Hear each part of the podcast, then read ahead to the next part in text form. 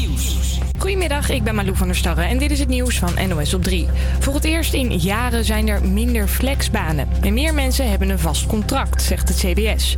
Veel bedrijven hebben zo'n tekort aan personeel dat ze mensen lokken met contracten voor onbepaalde tijd. Of dat ook zo blijft? Voorlopig ben ik geneigd om te denken dat het even om een tijdelijk fenomeen gaat, maar je weet natuurlijk nooit. Vooral onder twintigers en dertigers stijgt het aantal mensen met de vaste baan. Op bijna alle vluchten van KLM moet je voortaan betalen voor je ruimbagage. Binnen Europa moest je er al voorbij betalen. Vanaf deze week geldt het ook voor vluchten naar een ander werelddeel. Het is volgens KLM nodig om de concurrentie aan te gaan met andere maatschappijen, want de tickets zelf kunnen nu wel goedkoper worden. Ajax heeft sorry gezegd tegen de graafschap.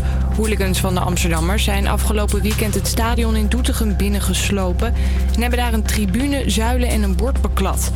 Waarom is niet duidelijk. De club speelde vorige week nog tegen elkaar. Toen waren er geen problemen. Duncan Lawrence is nog aan het nagenieten van zijn Songfestivalwinst van afgelopen weekend. En nu al schieten de remixen als paddenstoelen uit de grond. Muziekleraar Tom uit Veghel heeft zijn accordeon erbij gepakt.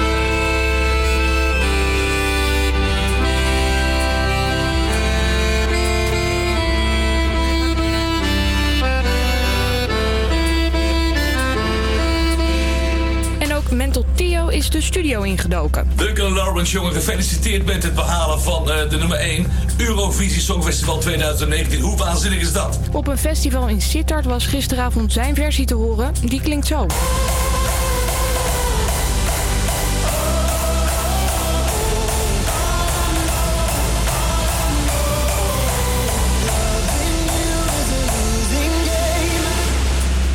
Nog. Het is bewolkt in de loop van de dag is vooral in het oosten af en toe de zon te zien. Daar wordt het zo'n 20 graden. Aan de kust geen zonnetje en max 15 graden. Elke maandag van 12 tot 2 op Radio Salto. De tijdmachine. Met vandaag Lars van Eijden en Annabelle van Iwaarden. Ja, een hele goede middag en welkom bij een gloednieuwe uitzending van De Tijdmachine. Het is maandag 20 mei, grimmig weer. En eh, samen met Annabel gaan we weer, weer wat eh, leuks van maken. Ja, goedemiddag, ik heb er zin in. Maar voordat we altijd beginnen met de tijdmachine, maken we aan het begin van de tijdmachine bekend waar we met deze tijdmachine heen gaan. De tijdmachine gaat vandaag terug naar... De jaren 90. Ja, de jaren 90. Ja, Heb je er zin in? ik heb er zeker zin in. Ja, en voor de luisteraars die vaker luisteren, we hebben natuurlijk de jaren 90 al een keer behandeld. Jazeker. Maar omdat er zoveel eh, te halen valt uit de jaren 90, doen we hem gewoon lekker een keertje open. Over. Zo eh, hebben we het natuurlijk over Big Brother. Gekeken ooit? Jazeker, vroeger. Ik vond het hartstikke leuk. Ja, we gaan bellen met Sabine Wendel, een eh deelnemster uit Big Brother. Ook bellen we met Arco over het succes van Ajax. Jazeker, hij is host van de Pantelich podcast. Genomineerd voor de Dutch Podcast Awards, dus ook leuk. Kijk, hebben we het over Quidditch? Ken je dat? Nee, nog nooit van gehoord. Nou, daar gaan we het zo even over hebben. Helemaal tof. Maar voordat we gaan beginnen, gaan we luisteren naar een van de jaren 90 classics, Mijn Houten Hart van de Puma's.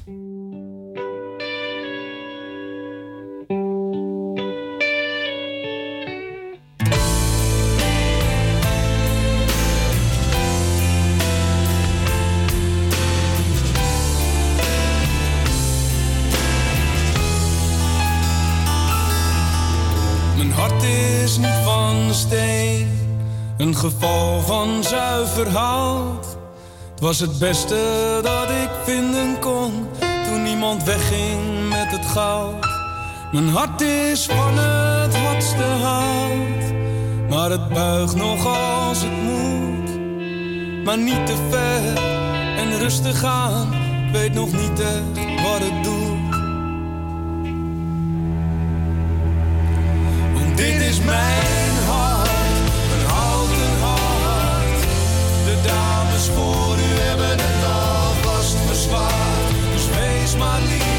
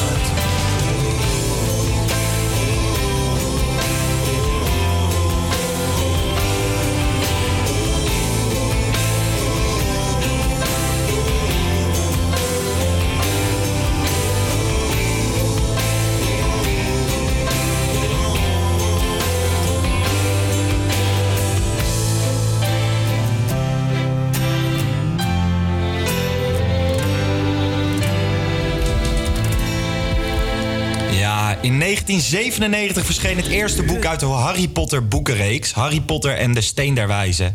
Vele boeken en films volgden en iedereen kent uiteraard het grote succes. In de boeken en de films wordt ook een sport beoefend, namelijk zwerkbal. Hierop gebaseerd is de sport Quidditch.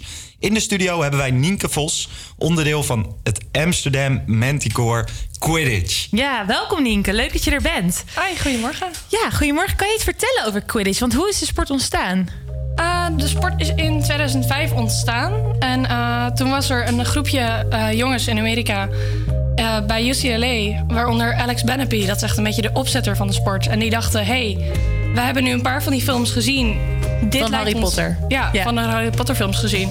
Dit lijkt ons zo gaaf om gewoon een keertje ja, hier op de campus te spelen. Dat hebben ze gedaan. En dat beviel zo erg dat het jaar daarna steeds meer mensen het gingen spelen. Ze hebben getoerd door eh, hun district en steeds meer mensen enthousiast gekregen. Ja. Een paar jaar later stonden ze in New York met echt iets van 60 teams al. En inmiddels is het wereldwijd.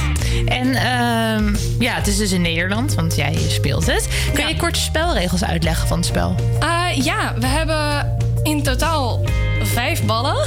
Ja? Ehm, daarvan is eh, drie zijn kwaf, eh, drie, eentje een kwaffel. Ja? Eh, dan heb je ehm, een keeper, gewoon een beetje zoals normale sporten ook keepers hebben. En drie chasers. Die chasers die proberen met een volleybal, dat is de kwaffel, te scoren in de hoepels van het andere team. Dan heb je ehm, drie bludgers. Ja? Per team heb je twee beaters. En die mogen ja, Ja? met de bludgers iedereen afgooien. Oké. Dus die kunnen dan inderdaad proberen om, eh, ja, als er aangevallen wordt, om te verdedigen door mensen uit te gooien. Eh, dan heb je één snitch nog. Ja? En eh, die zit vast aan een snitchrunner. En dan heb je per team, een seeker. Ja. En die proberen die snitch te vangen. Oké. En ja, zodra de snitch is gevangen, dan eh, krijgen ze 30 punten Ja. voor dat team. En dan is het spel afgelopen. En een normaal goal is gewoon 10 Ja, punten. want hoe moeten wij dat even voor ons zien? Staan jullie op een voetbalveld? eh, gewoon op een eh, basketbalveld? Hoe, hoe ziet jullie ruimte eruit? Het is ongeveer een half voetbalveld. Ja? En dan heb je aan beide kanten staan er drie hoepels van verschillende hoogtes. Staan die dan omhoog of echt op de grond? Ja, omhoog. Echt Oh op ja, palen. ja.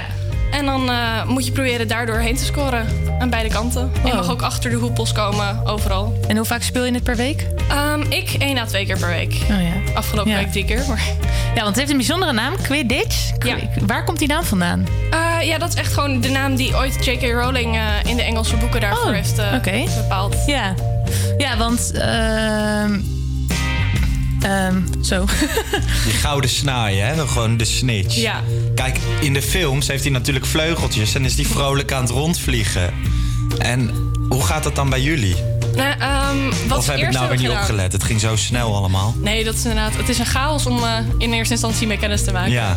Nee, wat ze eerst hebben gedaan was een soort van. eh, een beetje als American football, zo'n vlaggetje achter in je broek. Ja. Eh, dat hebben ze eerst gedaan, maar inmiddels is dat een tennisbal geworden die met klittenband aan de achterkant van een broekje zit. Eh, van iemand die helemaal in het geel of goud is gekleed. En die gaat dan eh, de pitch overrennen. En dan moet je die proberen ja. te vangen, het balletje. Oké, dus er is gewoon iemand die wordt Ja. elke keer aangewezen en die rent rond. Is dat random of is dat echt net als de spits bij voetbal altijd? Ja, je hebt echt iemand die is daarin gespecialiseerd. En dat is dan eh, ja, een onafhankelijke persoon. Een beetje zoals ook de, de, de scheidsrechters zijn. Ja. Oké. En hoe ben jij dan bij die sport gekomen? Een hele goede vriend van mij, die had het op een bepaald moment ontdekt dat dat eh, bij ons in de buurt gespeeld werd. Die was super enthousiast en die ging meteen eh, meedoen. Kwam in het nationaal team, is mee naar de wereldspelen gegaan. En tegen de tijd dat hij terugkwam, had hij zoiets van: Oh ja, wou jij nou ook nog een keertje mee? Dat zei je een keer. Dus toen dacht ik: Oh gaaf, nou, ik kom mee. En, eh, Ja, maar er zijn dus ook echt wereldspelen. Ja. Oh, bis- oh, vind ik best wel bijzonder. Laten we het daar zo dan even over hebben. Ja, is goed. Eh, na het liedje La Cumbia van de Sailor. en Colombia.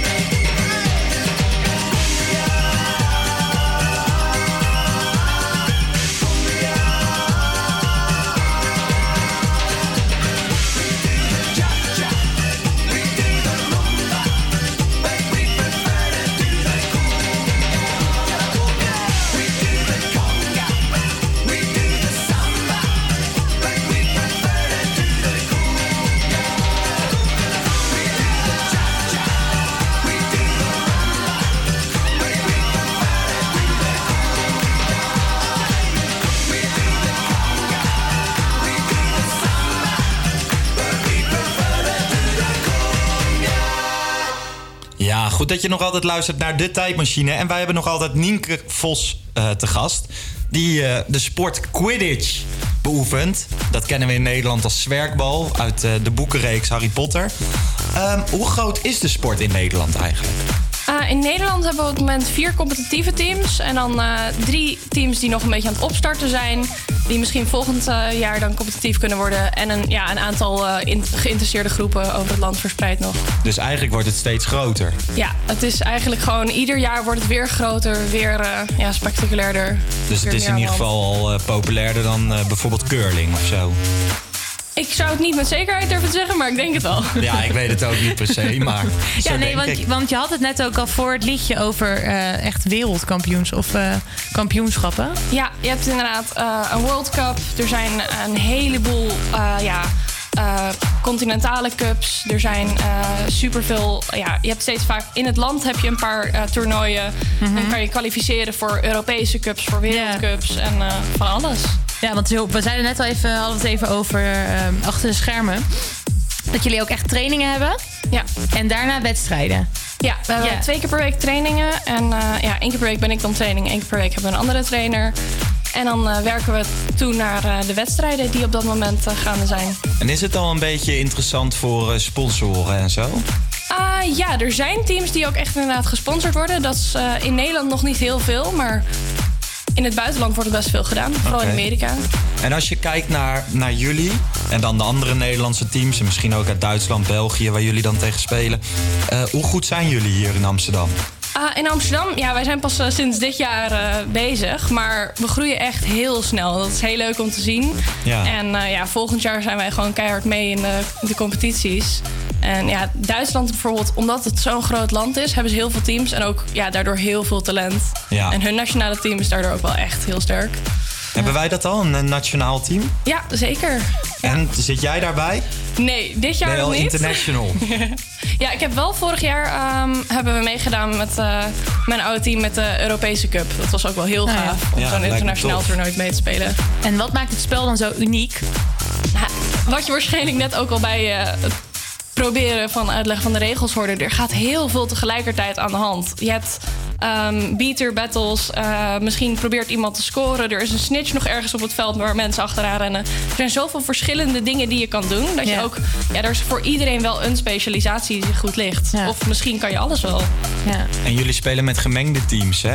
Ja. Heb je dan ook dat bijvoorbeeld jongens beter altijd worden ingezet in bepaalde rollen... en vrouwen weer in andere rollen? Of is dat... Uh, je hebt inderdaad wel uh, dingen dat bijvoorbeeld. ehm, er wordt geprobeerd in sommige ehm, ja, eh, landen zie je wel dat bijvoorbeeld eh, vrouwen meer op beaters opgezet worden. Omdat ja, beaters zijn dan eh, zogenaamd minder belangrijk. Maar we proberen zoveel mogelijk om dat niet te hebben juist. Omdat Ja. we willen Ja. dat iedereen gewoon echt mee kan spelen. En dan krijg je de meest gevarieerde, interessante teams. Ja, en wat ik mij herinner uit de films, want ik vond het altijd super vet als er dan zo'n toernooi was.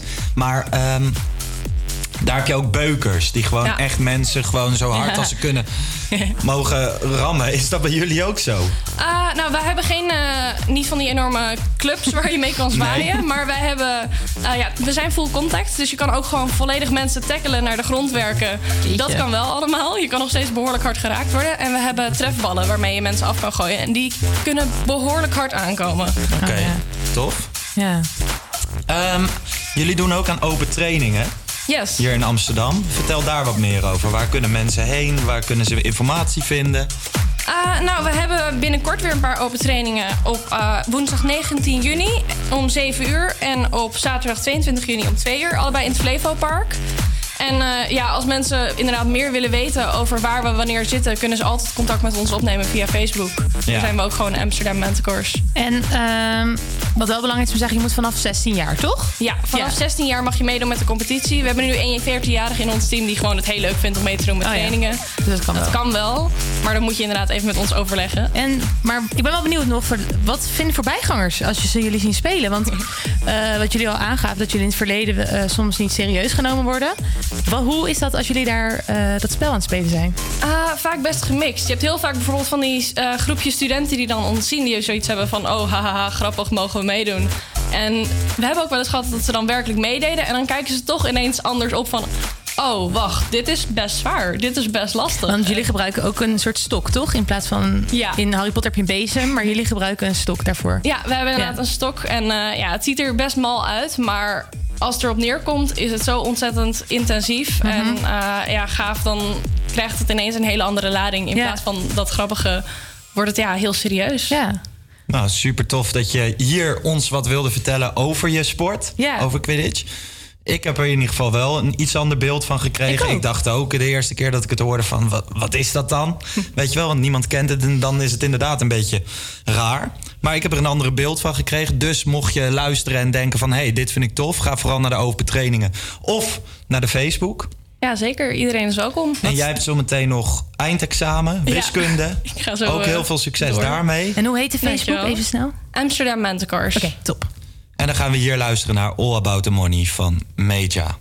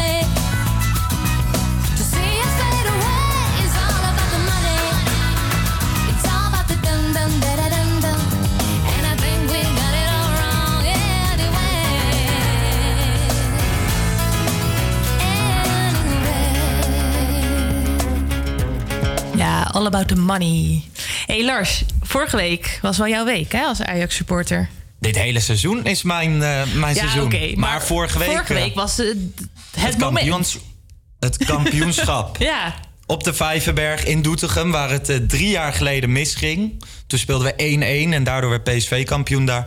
Dus eh, we hebben revanche gehaald. je hebt de schaal opgehaald. Ja, ik was er ook bij. En eh, dat is dan toch wel speciaal hoor. Want in zo'n uitvak passen dan maar 500, Mhm. 550 Ajaxiden.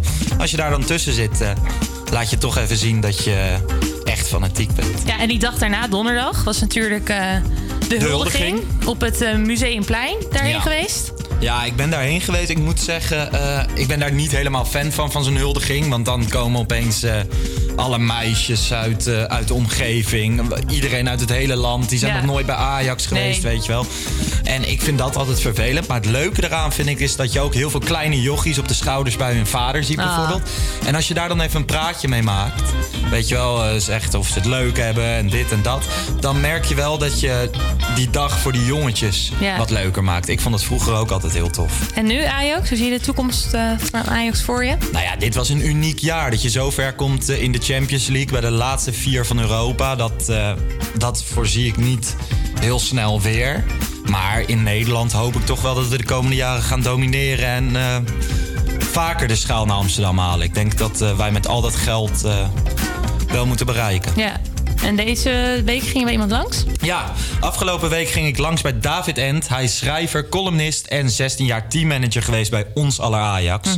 Bovenal is hij voetbalromanticus puur zang. En het was mij een eer om met hem in gesprek te mogen gaan over de successen uit voornamelijk de jaren 90 en zijn mening over het Ajax van nu. Laten we gaan luisteren.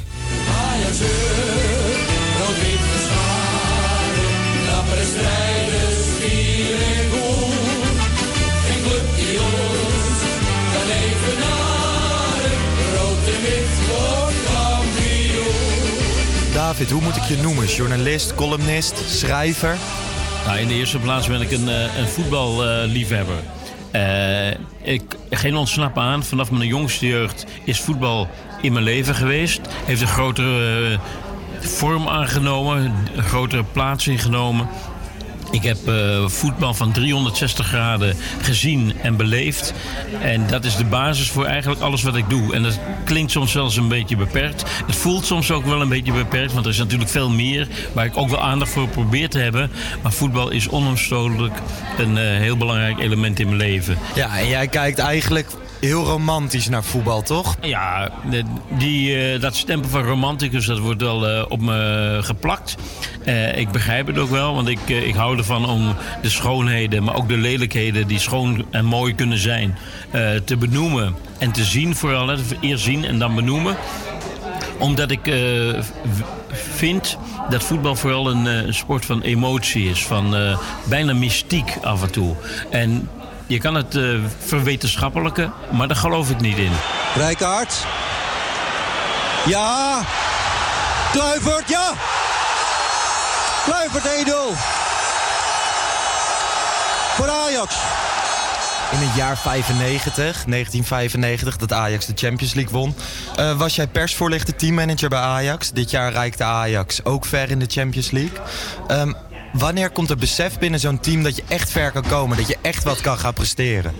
Ja, het besef dat je werkelijk eh, iets kan gaan bereiken, eh, eh, groeit meestal met, met een aantal wedstrijden. En dan is er één wedstrijd die cruciaal kan zijn. Omdat onbewuste bewust, eh, iets bewust van te maken. Dat was in 1995 was het heel erg duidelijk. We wonnen de eerste wedstrijd van Milan eh, met 2-0 in het Olympisch Stadion. Dat was nog een klein wonder, want Milan was regerend kampioen. Toen eh, volgden een aantal wedstrijden, goede resultaten. En toen speelden we de voorlaatste wedstrijd, geloof ik, tegen, tegen Milan uit. En die wedstrijd werd, werd 2-0 gewonnen. En daar was een exhibitie. We speelden eigenlijk fantastisch voetbal. En toen dachten we, hé, hey, wacht even, het is geen incident. Het is, geen, het is niet per ongeluk. We hebben wat, we kunnen wat. En op dat moment ontstond het eh, vertrouwen dat je verder kon komen. Waarbij je altijd de factor geluk ook nog een beetje aan je kant moet hebben. Je leest ook heel veel op, eh, op Twitter en ook wel in columns en zo... dat mensen zeggen dat dit Ajax nog gelukkiger maakt dan dat van 1995. Komt dat omdat dat nu is of, of zit daar iets achter? Wat vind jij daarvan? Ik denk dat het vooral komt omdat, eh, omdat het nu is. Omdat er een grote hunkering is geweest om dingen te herhalen. We zitten bijna 25 jaar later. En in die 25 jaar eh, heeft men gedroomd eh, met op de achtergrond zeg maar de erfenis van 95 of misschien wel van, van, van de 70 jaren. De, de wens om dat te herhalen is zo groot en voetbal is ook zoveel groter geworden als entiteit dat dat mensen ook graag zo denken. Maar de emoties van nu, die waren in zeg maar 94, 95 eender. Weet je, die generatie had dezelfde liefdes ervaring met een club die, die presteerde, die, die het onmogelijke waarmaakte. En dat was ook een geliefde club. En de manier waarop er werd gespeeld toen was revolutionair. En was helemaal des Ajax. En dat is het nu ook. Dus ik denk dat, dat mensen die dat nu zeggen... eigenlijk zonder de kennis van vroeger spreken. Ja, en als jij naar dit Ajax kijkt, heeft het jou enthousiast gemaakt dit jaar? Natuurlijk kom- ontkom je niet aan, eh, aan enthousiast worden over dit team. En ook dat heeft te maken met eh, met name de manier van spelen. Het spel wat ze spelen, de manier waarop ze spelen... is zeker afgezet tegen de, zeg maar, de normale manier van voetballen in Europa... zo verfrissend en zo helder dat iedereen... eh, ziet zich eigenlijk voorzien in een bepaalde behoefte. De behoefte dat een kleine club als een soort Robin Hood in het land van de, van de grote machtigen iets voor elkaar krijgt, dat doet ook iets met je. Is dit de kroon op de fluwele revolutie van Johan Cruijff? Weet je, het eh, succes van eh, Erik ten Hag, want ik vind het voornamelijk ook zijn succes, want hij heeft het team geplooid, gekneed, hij heeft het geboetseerd, hij heeft zijn, eh, zijn eigen gedachten eh, inge geïmplanteerd. Een gedachte die misschien wel schuurt met de basisgedachte van Johan Cruijff. Dat, dat geldt ook voor de directie, die ook niet dat zo... Die heeft Weet je, het succes heeft vele vaders. En iedereen eigent zich dat succes toe. En ik geloof niet dat het eh, te maken heeft met de, met de fluwele revolutie. Of met, in ieder geval niet met hun gedachtegoed. Maar eh, er is onmiskenbaar wel iets gebeurd met Ajax. David, dankjewel dat je even tijd voor mij hebt gemaakt. En eh, hopelijk tot ziens. Ja, veel succes ook. Als ik zeg, ik heb het al meer gehoord. Wij zijn Ajax.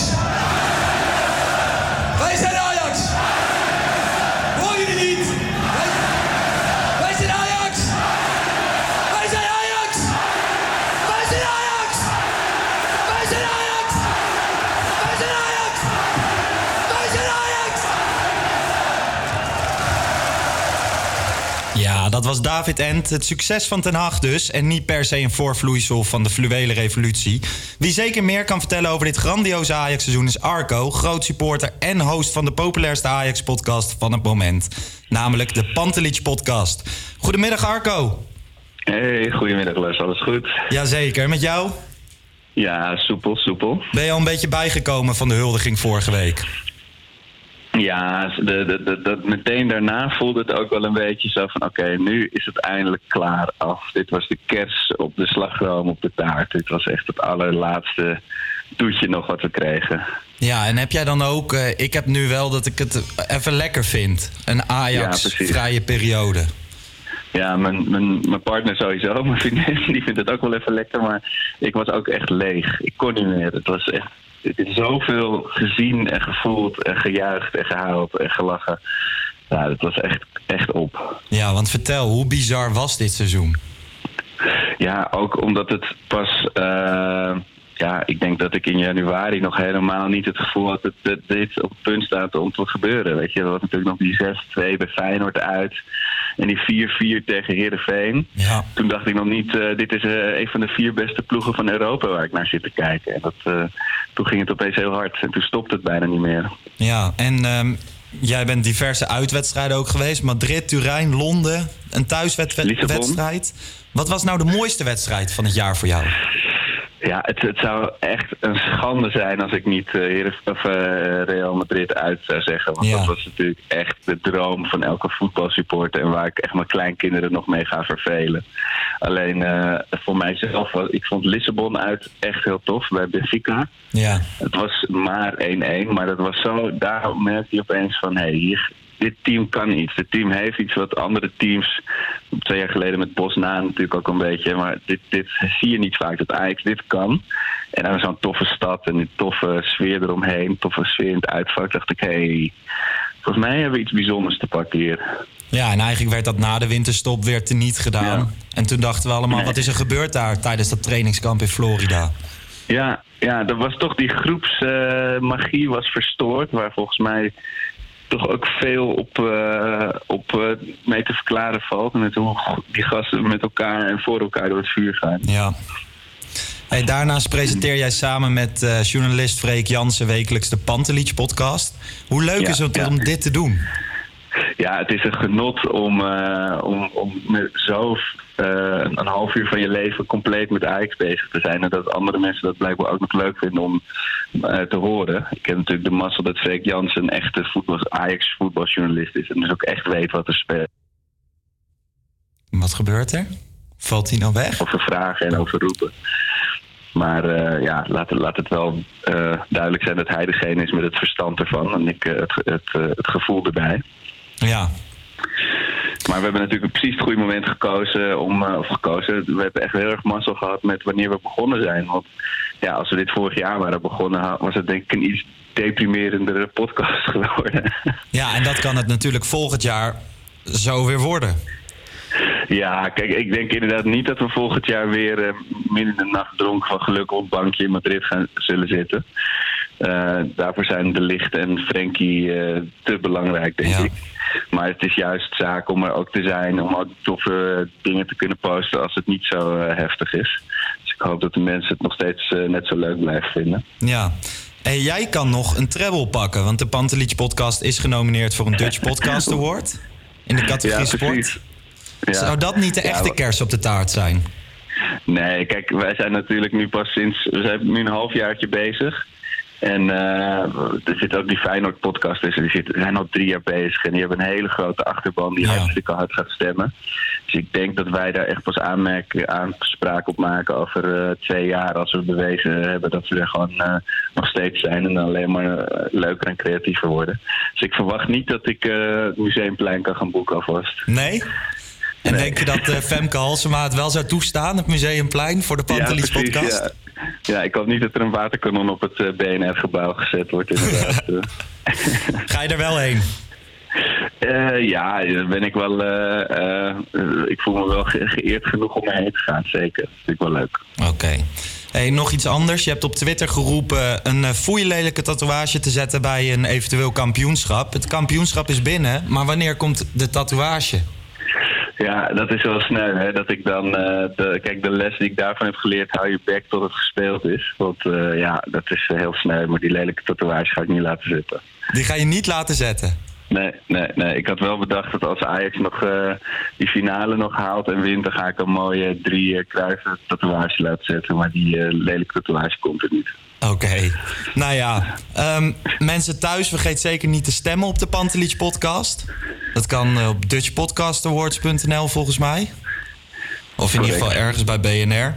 Um, Arco, super bedankt dat we jou even mochten bellen.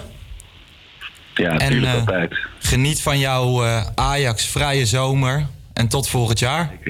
Nog 70 dagen zonder Ajax. Precies. Hé, hey, dankjewel hè. We spreken. Hoi, hoi. Um, stem dus op de Pantelich podcast. Hier sluiten we het Ajax uh, seizoen af. En we gaan hier luisteren naar Love You More van Paul Elstak.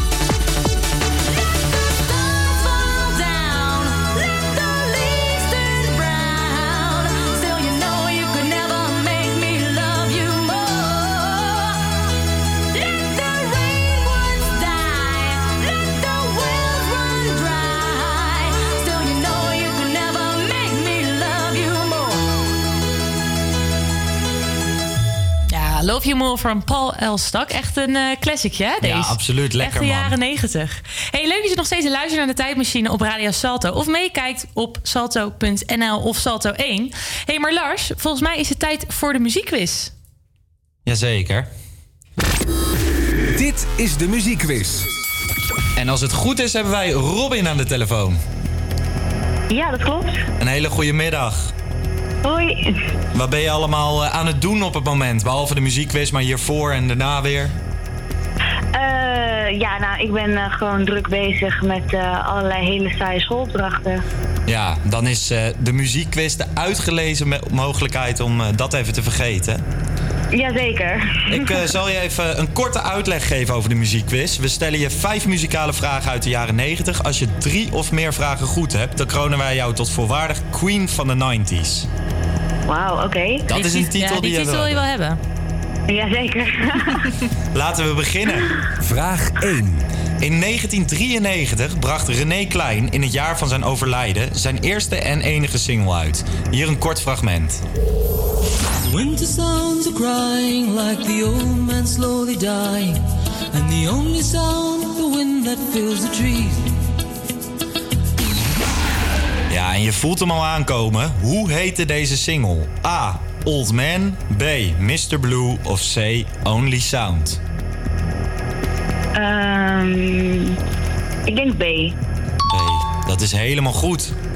Yes. Kijk, de aftrap is tenminste goed gegaan. Goed begin. Ja, nu kan het niet meer, eh, niet meer fout gaan. Precies. Vraag 2.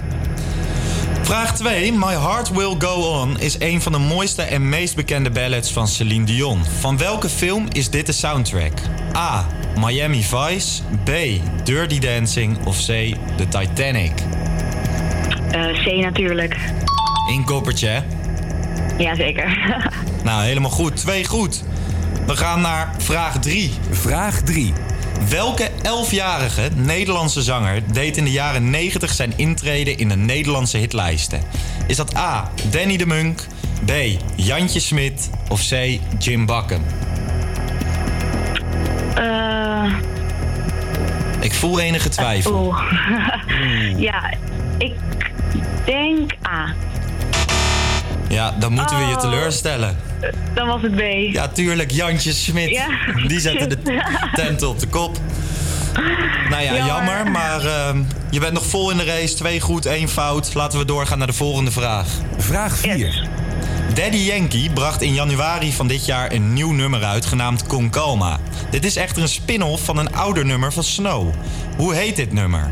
A. Informer. B. Inner Circle. Of C. Candyman. Eh, ehm, eh, dat weet ik niet. Eh, gokje. A. Kijk, Oh. je hebt gevoel voor gokken. Je moet naar het casino gaan. ja, dat ga ik doen vanavond. Helemaal goed. Hey, laten we even kort luisteren naar beide nummers.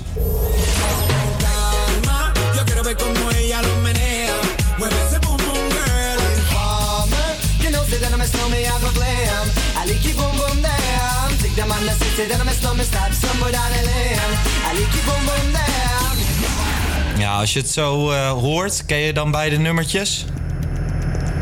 Eh, ja, ze komen wel bekend voor. Ja, precies. Ja, het lijkt ook op elkaar, hè? Het is een herschreven Ja. versie. Oké, nou ja, we gaan eh, voor jou naar de onbelangrijke laatste vraag. Vraag 5. Oh jee. Maak het volgende nummer af. Als het goed is, komt hij eraan. Het is een nacht die je normaal alleen in films ziet. Het is een nacht die wordt bezongen in het mooiste lied. Laat die gouden stembanden maar horen. Waarvan ik dacht dat ik hem nooit beleven zal. Maar vannacht beleef ik hem met jou. Ik vind het heel leuk dat je dat tegen me zegt. Hey, eh, als. Cornel Maas en eh, Jan Smit meeluisteren, dan sta jij volgend jaar op het Songfestival. Nou, kom maar op. ik vertegenwoordig Nederland wel hoor. Kijk. Hey, ehm, vier van de vijf goed. Dat eh, krijgen er niet veel voor elkaar hoor. Lekker. Ik denk eh, dat jij eh, heel trots mag zijn op jezelf. En dat je toch met een glimlach weer aan het schoolwerk kan gaan beginnen zometeen. Nou, ga ik zeker doen. Hey, super bedankt dat je mee wilde doen. Ja, En eh, misschien tot de volgende keer. yes. Ciao, ciao. Hier op Radio Salto gaan we luisteren naar Niet of Nooit Geweest van Acta en de Munnik.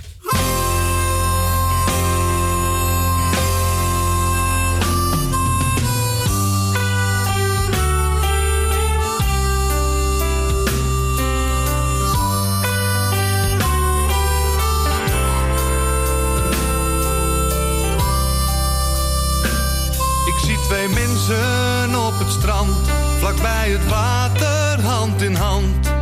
De zon zakt, ze zwijgen van geluk. Ik ken haar net, want dat ben jij. Ze lacht naar hem, hij lijkt op mij. Maar dat kan niet, want ik maak alles stuk.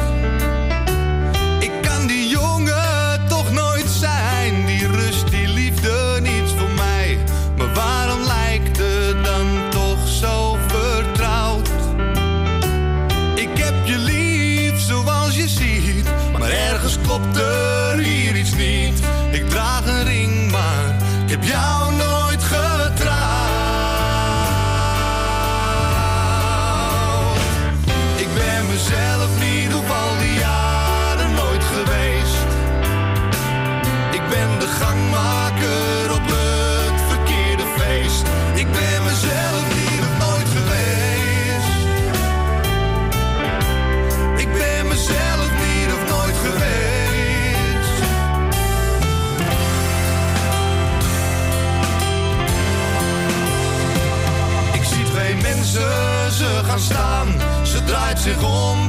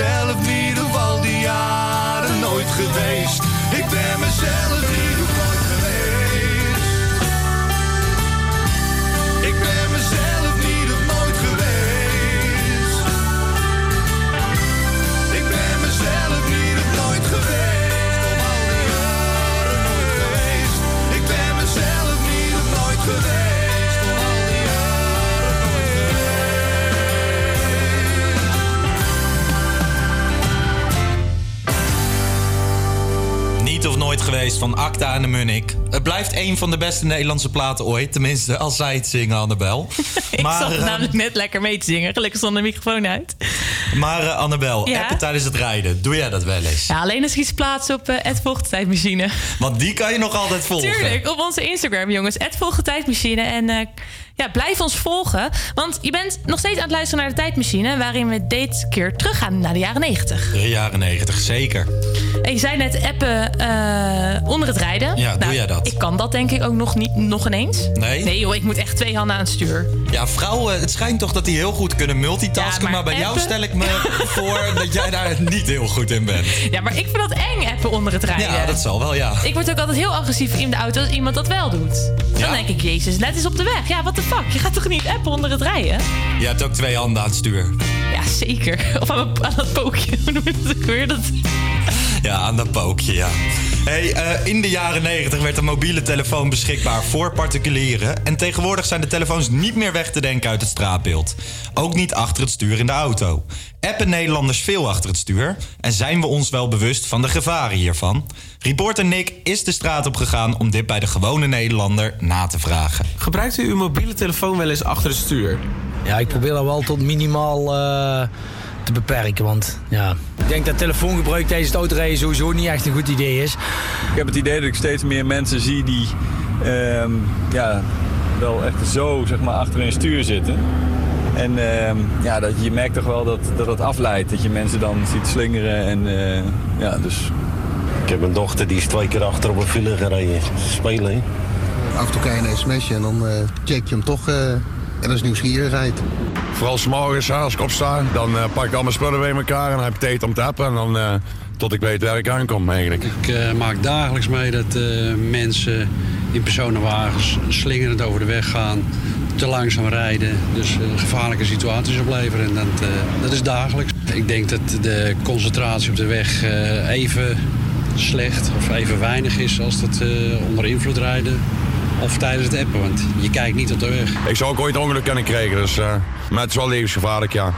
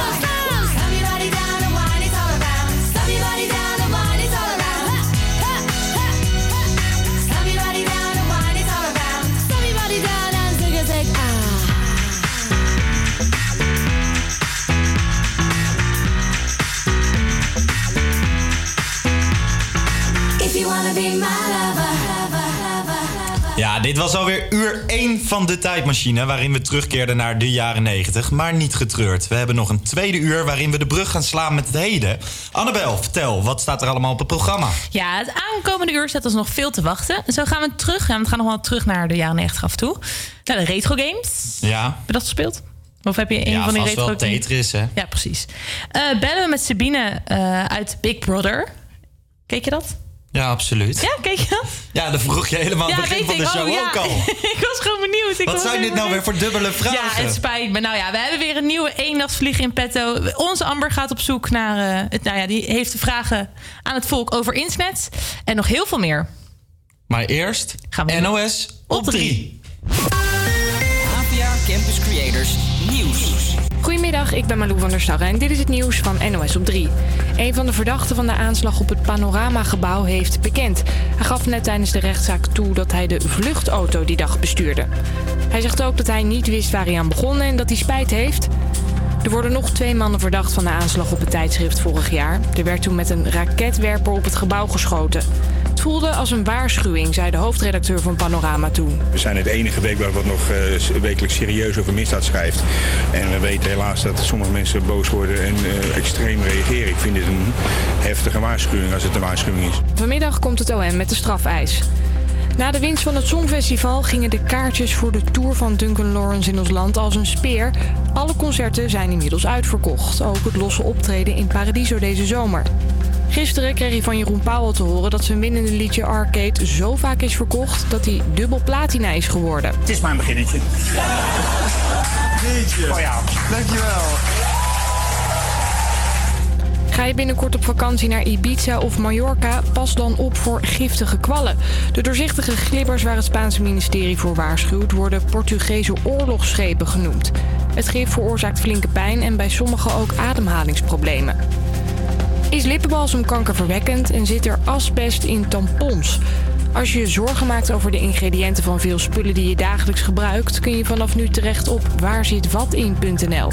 Want over sommige producten is veel onduidelijkheid, zegt Gezondheidsinstituut RIVM. Als je een allergie hebt, of je bent bevattelijk, of je zit in een speciale periode van je leven, je bent zwanger, je hebt net een heel klein kind, kijk even welke stoffen je gebruikt en of daar misschien vraagtekens bij zijn. En om maar meteen antwoord te geven: nee, er zit geen asbest in tampons en van lippenbalsem kun je geen kanker krijgen. Het weer dan nog, het is bewolkt in de loop van de dag is vooral in het oosten af en toe de zon te zien. Daar wordt het zo'n 20 graden. Aan de kust geen zonnetje en maximaal 15 graden. Elke maandag van 12 tot 2 op Radio Salto. De tijdmachine. Met vandaag Lars van Eijden en Annabelle van Iwaarden. Ja, welkom terug bij de allerleukste show om je maandag te beginnen. Of tenminste, de maandag voor te zetten. Eh, de Tijdmachine, de show waarin we iedere week terugkeren naar het verleden. Deze week staan de jaren 90 centraal. Je kan ons natuurlijk ook volgen op Instagram, volg de Tijdmachine. En mocht je nou luisteren, maar ons ook willen zien... dan kan je live meekijken op www.salto.nl. Annabel, kan je mij vertellen wat we het komende uur allemaal gaan doen? Dat kan ik zeker vertellen. We duiken terug in de wereld van de retro games. Bellen met Sabine Wendel, die meedeed aan het populaire programma Big Brother. Wat ik overigens gekeken heb. Oh, dat wilde ik net vragen. Hebben we weer een eendagsvlieg in petto. En we hebben natuurlijk ons nationaal trots. Duncan Lauren passeert ook de revue. Lauren? Lawrence. jongen, jongen, jongen. Nou ja, je hoort het wel weer. Een bomvol uur. Ehm, maar eerst luister je naar Ed Sheeran en Justin Bieber met I Don't Care.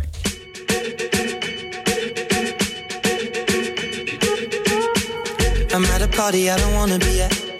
And I don't ever wear a suit and tie. I wondering if I can sneak out the back. Nobody's even looking me in my eyes. Can you take my hand, finish my drink, say, shall we dance? Hell yeah. You know I love you, did I ever tell you? You make it better like that. Don't think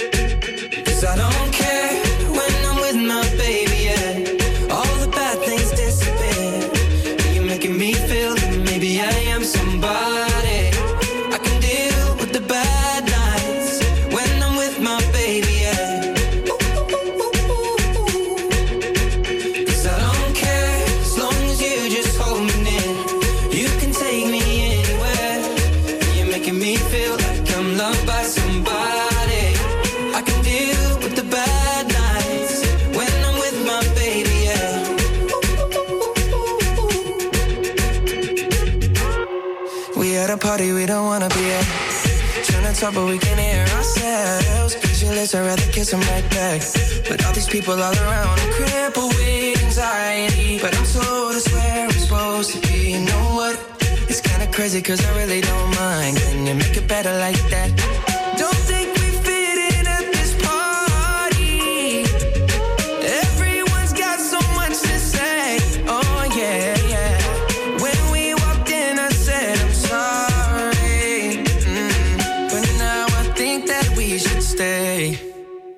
Cause I don't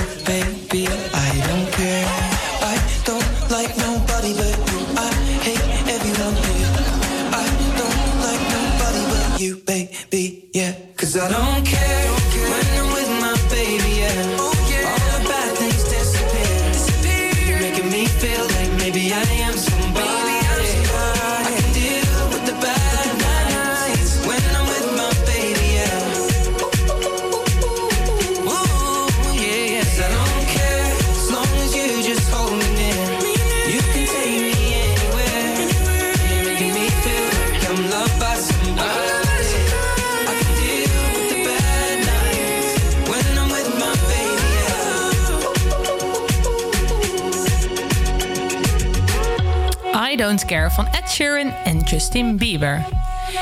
Retro gaming heeft het afgelopen jaren een grote opmars gemaakt. Het spelen van oude computergames is, is enorm populair. In de jaren 90 kwamen er allerlei gameconsoles op de markt. En onze verslaggever Joris ging langs in een videogame speciaalzaak op zoek naar de nostalgie. Ik sta hier naast Wesley, werkzaam in een videogame speciaalzaak. En Wesley, we gaan even terug in de tijd. Eh, in de jaren 90 kwamen er allerlei gameconsoles op de markt. Eh, denk aan de Amstrad GX4000, het Commodore 64 gamesysteem en het Super Nintendo Entertainment Systeem. Kun je hier nog iets van herinneren of zegt deze namen jou niet zoveel? Ik kan me er zeker wel wat over herinneren. Want ehm, ik heb zelf ook veel gespeeld op eh, Nintendo-consoles, Mega Drives. En wat kan je nou echt, echt herinneren van die consoles? Was dat echt heel anders vergeleken met de, de PlayStation 4 anno 2019? Nou ja, heel veel spellen eh, destijds kon je ook niet opslaan. Dus je moest spellen van het begin tot het eind uitspelen. Of je kreeg na bepaalde levels kreeg je bepaalde symbolen die je kon invullen om weer bij een bepaald level te starten. Dus in die zin ja, is er wel veel veranderd. En wat was nou jouw allereerste gameconsole? Uh, mijn allereerste gameconsole was de 8-bit Nintendo. Ja. En dat is, ja, ik heb zelf nooit heel veel games gespeeld, maar dat is vrij blokkerig beeld ook en zo, toch? Ja, klopt. 2D, plat, van links naar rechts. Ja. En duurde een spel dan ook veel korter? Nee, voor mijn gevoel uh, duurden spellen juist langer. Oké. Omdat ze in vergelijking met nu zijn ze toch wel een stuk pittiger hier en daar. Want um, tegenwoordig um, heb ik wel het gevoel dat er ook heel veel om graphics draait. Dat het juist mooier moet. En vroeger had je meer de gameplay die echt wel... Ja, de, daar ontwikkelaars de uiterste uit uh, haalden, om het zo te zeggen. Ja, kijk bijvoorbeeld naar een Pac-Man. Iemand die dat heeft uitgespeeld, daar doe ik een applausje voor, om het zo te zeggen. ja. Want dat is niet makkelijk. Heel veel levels voordat je dat echt... Uh, ja, precies. Ja. ja. En wat steeds echt pittiger wordt. En ja, nu een Pac-Man als voorbeeld. Eigenlijk is het concept van ieder level hetzelfde. Alleen worden de spookjes lastiger, sneller. En ja, dat is waar ze de moeilijkheid vroeger vandaan haalden. Ja, precies. Nou, hier in de speciaalstaak staan ook een aantal retro gameconsoles. We lopen er even heen. Wat hebben jullie hier allemaal staan? Ik zie er jaartallen bij staan, maar de oudste is uit 1976 zelfs. Ja, precies. Dat is de GPH Wonder Wizard. Met ook uh, draaiknoppen en schakelaars erop. Ja. En heel veel vroeger werkte ook nog uh, met een soort van cassettebandjes. Dus dan moest je ook uh, spoelen op tapejes en dergelijke. Mm -hmm. Uit de jaren 90, dat is iets verder naar beneden. Daar zie ik een Nintendo Entertainment System staan. Ja, dat ziet er al best, best groot uit eigenlijk. ja. ja, daar gingen, gingen cassettes gingen daarin. En um, dat werd nog uh, op de antenne-aansluiting van de tv werd dat aangesloten. Dus je moest ook uh, je beeldscherm op een vast kanaal zetten. En dat kanaal afzoeken voor beeld. Oh, oké. Okay. Ja, dat kennen we tegenwoordig ook niet meer. Dus dat geen HDMI-kabeltje uh, Nee, nee, nee, precies. Oké. Okay. En Mega Drive kwam toen al snel. Um, we hebben hier nog... Oh ja, hier heb ik ook nog heel veel op gespeeld. De Atari Lynx.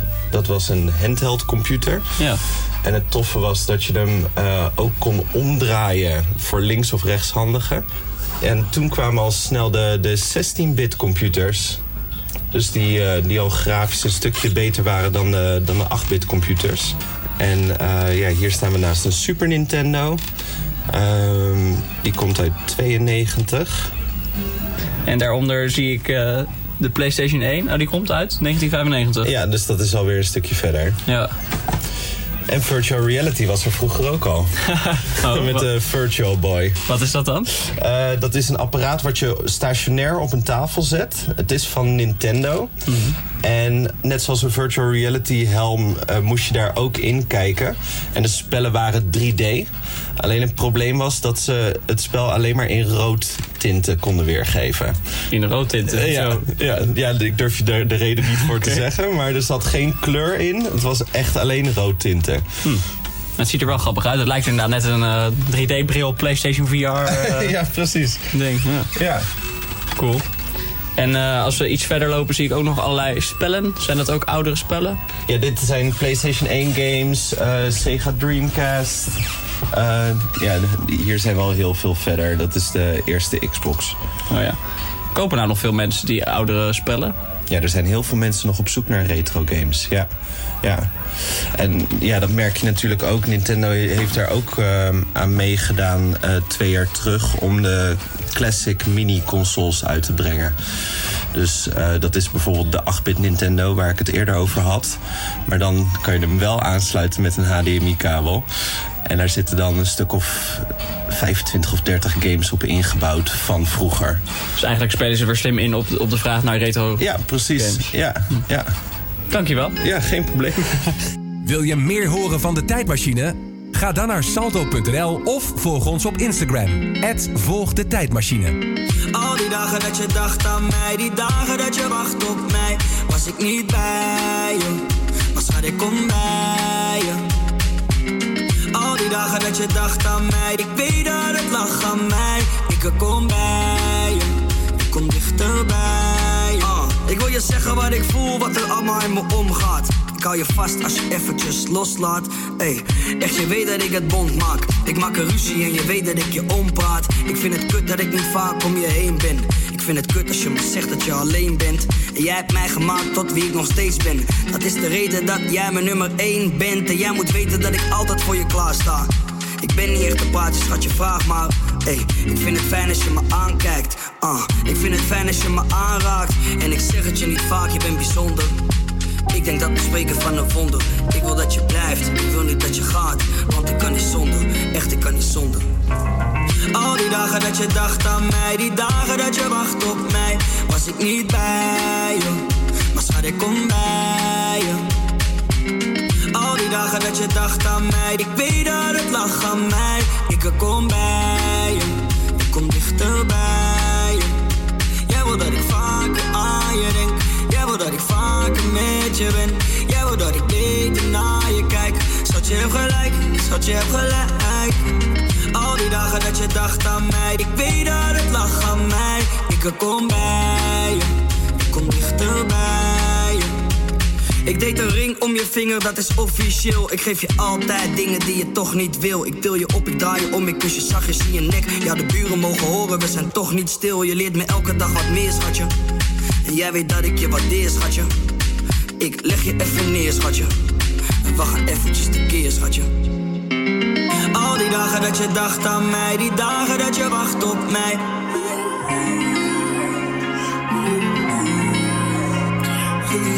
Al die dagen dat je dacht aan mij, ik weet dat het lag aan mij.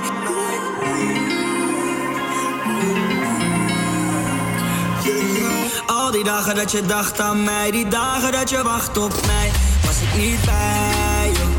Maar schat, ik kom bij je. Al die dagen dat je dacht aan mij, ik weet dat het lag aan mij. Ik kom bij je, ik kom dichterbij je. Jij wil dat ik vaker aan je denk, jij wil dat ik vaker met je ben. Jij wil dat ik beter naar je kijk. Schat, je hebt gelijk, schat, je hebt gelijk. Dagen dat je dacht aan mij, ik weet dat het lag aan mij. Ik kom bij je, ik kom dichterbij je. Dichterbij je van Leeuw Kleine, het nieuwste hitje. Ja, Lekker hè? absoluut. Hey, in, op 17 september 1999 startte Big Brother, het succes, succes van de jaren 90. Big Brother was een televisieprogramma dat werd ontwikkeld door John de Mol en Paul Reumer. In het programma... Gaat het goed? Ja, nee, er wordt hier echt heel hard gelachen In het omheen. programma verbleef een groep mensen ongeveer 100 dagen in een huis dat was uitgerust met camera's, zodat ze voortdurend door de kijkers konden worden gevolgd. Na 100 dagen won een van de deelnemers een geldprijs. Dagelijks konden kijkers genieten van opdrachten, ruzies, vriendschappen, affaires en het wegstemmen van de bewoners. Ja, en wij spreken met Sabine Wendel, een van de deelnemers van Big Brother. Goedemiddag Sabine. Hallo. Hi. Wat, wat een leuke bespreking. Ja, de hele groep hier begon te lachen. Ik moest zelf eigenlijk ook een beetje. Hey, maar, ook. maar even over Big Brother. Wat was de reden voor jou om mee te doen aan het programma? De reden voor mij was het avontuur. Echt puur het avontuur eigenlijk. Mijn relatie was net over Mhm. en eh, ik had zin in spanning en sensatie. Ja, want eh, moest je hiervoor echt ook een eh, soort casting doen? Een selectieprocedure, ja zeker. Dat heeft ehm, nou, toch wel een aantal maanden geduurd. Mhm. Vanaf de eerste, het eerste moment dat je met je telefoon je op kon geven... tot aan het moment dat ik hoorde dat ik mee mocht doen. Nou, daar zitten denk ik iets van vier, vijf maanden tussen. Oh jeetje, dat is best wel een eh, tijdje. Tegenwoordig is Met dat heel anders. testjes en gesprekken. Mhm. Ja. Nou, en uiteindelijk wel- geworden. Nou, dan kom je in dat huis en echt overal Ja. hangen camera's. Was je daar al snel van bewust? Dat overal Ja, daar camera's was je, daar was je je acuut van bewust. Want als je binnenkomt zie je natuurlijk al die camera's hangen en je hoort ze ook. Maar eh, je blijft je er niet zo lang van bewust. Het is denk ik een weekje ongeveer en dan raak je er wel aan gewend. En dan ga je gewoon lekker je leven leiden daar. Ja. Ja, want- die vier muren, voor zover het kan natuurlijk. En Ja. ja, ja dan raakt het op de achtergrond. Ja, want ging je daarvoor eerst anders gedragen toen je wist dat je gefilmd werd? Wat netter en... Mm, Niet dat ik me kan herinneren, maar wellicht wel hoor. Ja, volgens mij wel. Als je echt bewust bent van camera's, dan ga je toch op je woorden letten. Je gaat toch wat minder snel, denk ik, eh, schelden, weet je wel. Mhm. En dat, nou ja, dat blijft, dat blijft niet. Ja, want Big Brother was echt een enorm succes. Het was eigenlijk nog niet eerder in Nederland op tv geweest, zo'n programma. Mhm. Toen je in dat huis zat, merkte je al dat het een succes was? Nee, nee, daar hadden wij heel weinig van in de gaten. Op, moment, op een gegeven moment werd het wel s ochtends redelijk druk. Als wij wakker werden, hoorden we mensen schreeuwen op straat. Dat vonden we wel een beetje raar. En, en, maar eigenlijk hebben we dat een beetje ontkend of nou ja, geblokt. Ja. Het is heel vreemd als je in zo'n huis zit om dan geconfronteerd te worden weer met de buitenwereld. Terwijl jij probeert echt te focussen op wat er daar zich afspeelt. Het is echt jouw leven. Mhm. En als het goed is voor 100 dagen. Dus het is ook niet heel goed als je je gaat bui- uh, bezighouden met de buitenwereld. Dus als wij dan iets kregen, een briefje over de schutting of we hoorden iemand schreeuwen van buitenaf, dan was de neiging om je daar een beetje voor te blokken. Ja. Ja, ja. Hey, in het programma had jij het ook leuk met eh, Bart. Ook dit werd gefilmd natuurlijk. Hoe ga je daar dan mee om? Eh, hoe bedoel je, hoe ga je ermee om? Achteraf? Of, of Nee, gewoon, eh, gewoon tijdens. Want ja, je begint elkaar leuk te vinden en zo. Maar ja, Ja. alles wordt gefilmd. Ja, ja, je moet wel begrijpen, het is voor mij 20 jaar geleden. Dus hoe ik me toen precies voelde op dat moment, dat werd een beetje naar de achtergrond vervaagd. Maar wat ik me ervan kan herinneren, was het wel lastig in het begin. Ik weet ook dat ik net niet durfde te zoenen, omdat ik dacht, ja, ik ga niet zoenen hoor. Want ja, er wordt toch misschien dat mijn moeder kijkt. En daar ben je in het begin toch wel mee bezig. Maar op een gegeven moment overheerst die emotie gewoon te veel. En je vindt iemand echt leuk. En hij jou. Dus het dan, ja, dan gebeuren er dingen en dan kan je, je kan het gewoon niet meer tegenhouden. En dat wil je ook niet meer. Nee. En waar ik nu benieuwd naar ben, als je op dit moment eh, bijvoorbeeld aan een soort gelijk programma zou mee kunnen doen, bijvoorbeeld Utopia, zou je het dan nu ook nog doen? Never. Nee? Ever. Nee. Ik zie jou al wel zitten op die akker daar in Zie je Utopia. dat voor je? Nou joh, nee joh, echt totaal niet. Nee, nee, dat was eenmalig voor mij. En ik heb eh, daar genoeg van moeten leren. Wat, wat best wel, ook best wel een struggle was in de jaren nadien. Ehm, ik ben ondertussen natuurlijk heel bewust geworden van het fenomeen televisie. En ja, hartstikke leuk. Maar nee, daar ga ik echt nooit meer iets mee eh, aan, aan deelnemen. Aan, aan een reality show of wat dan ook. Nee. Wat heb je het allemaal onderschat? Ik heb het destijds wel een beetje onderschat, ja. Ja.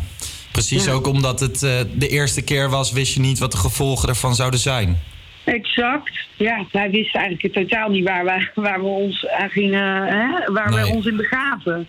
Het was de eerste reality show wereldwijd die niet gescript was. Want bijvoorbeeld, je had toen wel MTV, ehm, hoe heet het programma met die New Yorkers in een huis? The Real World. Dat was Oh, ja. een programma dat leek er een beetje op, maar dat was gescript. Ja. En bij ons was dat niet zo. Dus het was echt de eerste keer dat er zoiets op televisie kwam. En waar wij ons eh, voor opgaven, ja, dat wisten wij niet. Dat wisten de makers eigenlijk nog niet eens precies wat het allemaal teweeg zou brengen. Ja, dus het was gewoon voor iedereen nieuw.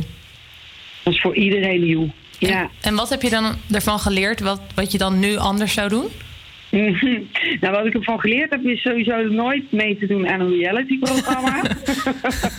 dat je, ja, het, het wordt, er wordt een vrij eenzijdig beeld van je uitgezonden. En het is Ja. niet erg dat je daarop voorbereid bent. Maar als jij niet voorbereid bent, dan is het best wel een shock als je eruit komt en je, hebt, je krijgt opeens hè, zoveel meningen van zoveel mensen over je heen. Dus wat ik daar echt van geleerd heb is. Ik heb een hele brede rug gekregen. Ik kan, weet je wel, het maakt me niet meer zoveel uit wat mensen van me vinden. Ja. Dat, dat was echt het eerste wat ik leerde toen ik het huis uitkwam. En Ja. daar ben ik nog steeds heel dankbaar voor. Ja. Ehm, maar ja, je leert ook wel om niet te snel te oordelen over anderen. Dat, Mhm. dat, eh, ja, niet op buitenkant oordelen, maar dat deed ik eigenlijk al niet. echt. Ja. Ja, Maar er dat- zijn zoveel dingen die ik geleerd heb. Weet je, je kan het niet precies terugvoeren van wat is nou precies wat ik daarvan heb geleerd. En wat eh, is gewoon, gewoon omdat je wat ouder bent geworden, zeg maar. Ja. Ja, want uiteindelijk eh, na het succes van Big Brother heb je nog wel bijvoorbeeld RTL Live een tijdje gepresenteerd. en in de Play- Jeetje, je hebt je huiswerk gedaan. Zeker. En je hebt ook uiteindelijk nog in de Playboy gestaan. Maar eh, wat vond je ervan dat je deze successen daarna allemaal hebt? Heb je daar zelf voor gekozen, bijvoorbeeld het presenteren van RTL Live? Ehm, ja, zeker. Ja, dat wilde ik graag. Het werd wel aangeboden natuurlijk, maar dat Mhm. wilde ik heel erg graag. En Playboy, idem dito. Ja. ja, er zijn heel veel leuke dingen op het pad gekomen. Dus nee, de, de weegschaal eh, die, die slaat wel door naar positief hoor. Mhm. Absoluut. Nee, ik ben heel trots nu ook op die ervaring. En heel blij dat ik, eh, dat ik het heb meegemaakt. En eh, wat, waar ben je dan nu op dit moment mee bezig? Want op televisie kunnen we je niet meer zien. Nee, ik ben bezig met onder andere het schrijven van een boek hierover. Oh, ja, oh, wat leuk. of jullie dat weten. Zeker. Ja, oké, nou leuk. Ja, daar ben ik mee bezig. Ik wil eigenlijk ehm, ja, mijn verhaal van Big Brother delen met kijkers van het eerste uur. Dat waren er toch ongeveer anderhalf miljoen. En ehm, nou, ook wel voor jongeren die, die vandaag de dag bekend willen worden. En het is nu natuurlijk een tijd van social media en YouTube. En heel veel reality soaps. En ja, misschien ben ik mijn ervaring een klein beetje verschuldigd. Ik voel Ja. het een beetje als een missie om dit op te gaan schrijven. En eh, ik vind het ook heel leuk om te schrijven. Ja. Dus eh, maar eigenlijk wil jij mensen behoeden of in ieder geval een beetje voorbereiden als ze meedoen aan Temptation Island of zoiets. Ja, daar komt het wel een beetje op neer. Ja, en dan wel ehm, ehm, met heel veel ervaringen en verhalen van onder andere ook makers, eh, andere eh, ervaringsdeskundigen, om het zo maar even te noemen. Heel veel invalshoeken, ook een psycholoog aan het woord. Van wat doet het eigenlijk met je om op tv te komen? Ehm, en dan in een specifiek een reality. Maar niet alleen op tv te komen, maar ook bijvoorbeeld om, om gewoon instant bekend te worden door bijvoorbeeld een heel mooi nummer wat je hebt gemaakt. Ja. Een, eh, een muzikant of een sporter, ja, noem het maar op. Je kan het best wel breed trekken. Het zijn gewoon ervaringen. En wanneer komt het eh, boek uit? Ik hoop het in september uit te kunnen brengen, want dan is het Big Brother 20 jaar geleden. Oké. En nou, wellicht kan ik een beetje gebruik maken van eh, de media-aandacht die dan daar weer eh, aan besteed gaat Ja. worden. Ja. slim. En dan iedereen eh, in december een boek kopen voor onder de kerstboom, Ja. hè? Nou, exact. Misschien nog de oude Playboy erbij. Nou, die kunnen we ook nog erbij voegen. Dat was mijn stukje huiswerk overigens hoor. Dat was mijn voorbereiding. Hey, Sabine, super bedankt dat we jou even mochten bellen. Jullie En ook wat vragen bedankt. mochten stellen. En eh, heel veel succes met het schrijven van je boek. Ja. Dank je. En heel veel succes met jullie programma. Hartstikke Dankjewel. leuk. Dankjewel. Ja, Annabel. Big Brother. Ja, Ik kijk het dus. Maar ehm, ja, was een hartstikke leuk eh, programma destijds. Ja. Ik vind dat sowieso wel leuke programma's hoor, die reality-programma's. Ja, ik kijk er ook altijd weer naar, maar ja. Ja, ik vind je alleen eh, een beetje stom als je meedoet. Maar goed, zeker weet je wel, die mensen die aan Temptation mee gaan doen. Alleen maar om bekend te worden. Maar eh, moeten ze zelf weten, het is mijn vermaak. Ja, precies. Hé, hey, maar ehm, we hebben hem. Weet je dan waar ik het over heb? Ja, Onze wel. nationale trots Duncan Lawrence won dit weekend het Eurovisie Songfestival. Een aantal weken geleden belden wij natuurlijk al met Cornab Maas. Ehm Corrivee op dit gebied. Hij was ook weer te horen de hele show lang. En ehm, hij zei dat hij er destijds al vertrouwen in had. Ja, die was zeer positief te Ja. spreken over. Maar nu eh, is het realiteit. Zeker. Na 44 jaar weer. Ehm, heb je gekeken? Ja. Duurde lang, man. Ja, het was een Oh. eh, beste zit. Duurde echt lang. Want ik moet eerlijk zeggen, ik ben na liedje 10 of zo ingeschakeld. Of tenminste, toen kwam die eh, Duncan zelf. Ja. En toen heb ik het, ik heb het ook uitgezeten. Ja, ik, ik, ik heb ook vanaf het begin gekeken. En oh man, man. Ik was blij dat het half één was. Ja? Ja, en dat, heb je het optreden van Madonna gezien? Jazeker. Voor 1 miljoen werd zij ingekocht. Ja, Hartstikke veel geld. hartstikke veel Vond je geld dit goed? inderdaad. Ja, ik vond het top. Ja, ik vond het niet goed. Nee, tuurlijk vond ik het, Het niet was super goed. vals. Het was verschrikkelijk. Ja. Madonna, echt, echt schandalig. het Oh, Eurovisie man. Songfestival. En dan ga je gewoon voor 1 miljoen koop je haar eh, uit Amerika overkomen. Heb je gehoord? Ze wilde de eigen jacuzzi meenemen. Nee, echt? Ja. Jeetje. Nou, ik vond het echt super slecht. Ja, we wonnen het Songfestival dus weer voor het eerst na 44 jaar. In 1975 was het de allerlaatste keer. Eh, verder waren er een hoop opvallende optredens te zien. Opvallend om te benoemen was dat IJsland bijvoorbeeld tijdens de puntenuitreiking nog een statement maakte richting Israël. Door op eh, beeld Palestijnse Mhm. vlaggen te tonen. Ik vind dat toch jammer hoor, Ja. dat eh, dit soort evenementen beïnvloed worden door politieke gedachten. Vind ik ook vind wel. jij? Ja. Ja. Ja, ik vind het Songfestival iets knulligs hebben. Dus Ja, maar ook al die lekker landen stemmen op elkaar en zo. ja, maar dat, oh, dat is alleen maar vriendjespolitiek. En wat ik even kwijt wil, die Nou, cupbelgen vertel. geven ons dus geen 12 punten, hè? wat is dat nou weer? Ja, dat vind ik ook wel We aardig. kregen zelfs meer ja, maar punten zij van de zaten dit Fransen. keer niet in de finale. Dus misschien Nee, was maar ze dat mochten hun... wel stemmen. Ja, nou We ja. kregen er volgens mij zes. Wat is dat nou weer? Zullen we gewoon nog even terug naar het moment? Ja. Gewoon dat liedje. Onze oprechte felicitaties aan Duncan Lawrence. Laten we nog één keer naar hem gaan luisteren.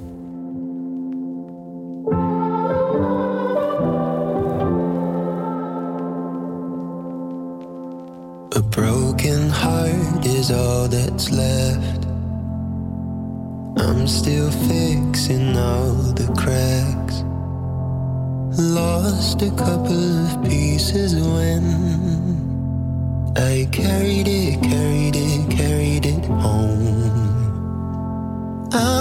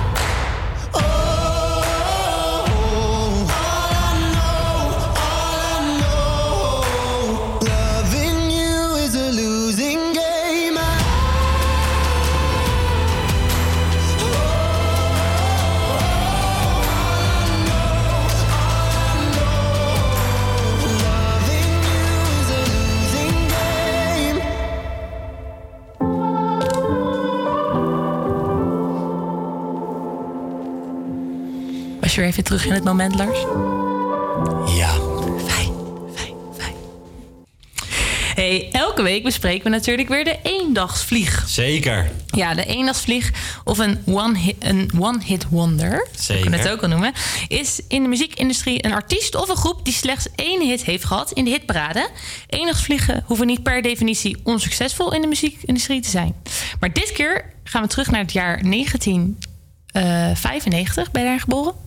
Nee, 1994. Oh, nou, was je één. Ja, was ik één. Misschien, eh dit lied- liedje scoorde ook een nummer ik één. heb eh, liggen dansen in de wieg, denk ik. Nou, Lars, hem kent, zing lekker mee. De eendagsvlieg van vandaag.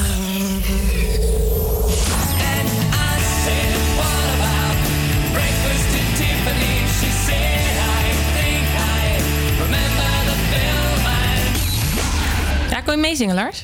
Nee, dat niet. Maar ik herinner me nog wel dat ik bij mijn moeder op schoot lag... op eh, de verjaardag van ome Paul. Oh. En dat dit liedje toen op ik stond. dacht dat dus, ik nog eh, één was en dat ja. dit liedje opstond. Het lied werd namelijk in 1995 opgenomen door de Amerikaanse alternatieve rockband Deep Blue Something. In de Nederlandse top 40 bereikte het nummer de 17e plaats. Gelukkig hebben ze het nog hoger gescoord, namelijk nummer 5 van de Amerikaanse Billboard Hot 100. Helaas was dit de enige hit van de Amerikaanse band Deep Blue Something. In mijn herinnering was het nog een grote hit, maar sowieso een lekker nummer. Dus laten we het nummer nog één keer beluisteren. Hier is Breakfast, Breakfast at Tiffany's van de band Deep Blue Something.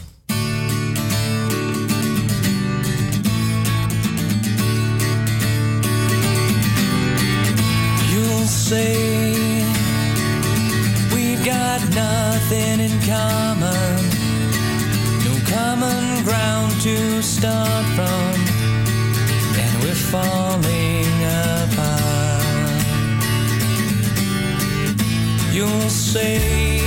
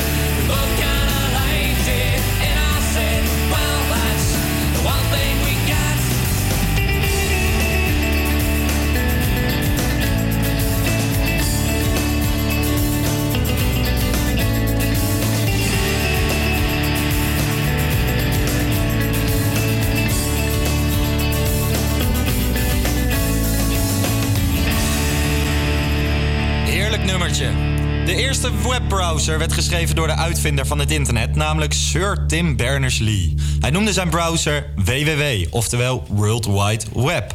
In 1991 legde hij dit voor aan voor zijn collega's en in 1993 konden wij allemaal gebruik maken van deze browser. Onze reporter Amber is de straat op gegaan om de mensen te vragen of zij kunnen leven zonder internet. Eh, weet jij waar WWW voor staat? Eh, ja, voor World Wide Web. Eh, World Wide Web. Ja, dat weet ik. Want waar staat het voor? World Wide Web. um, World Wide ehm, Web of zo? En ehm, in de jaren negentig is eigenlijk het World Wide Web eh, ja, gecreëerd of eigenlijk geïntroduceerd. En eh, zou jij nu nog kunnen leven zonder internet?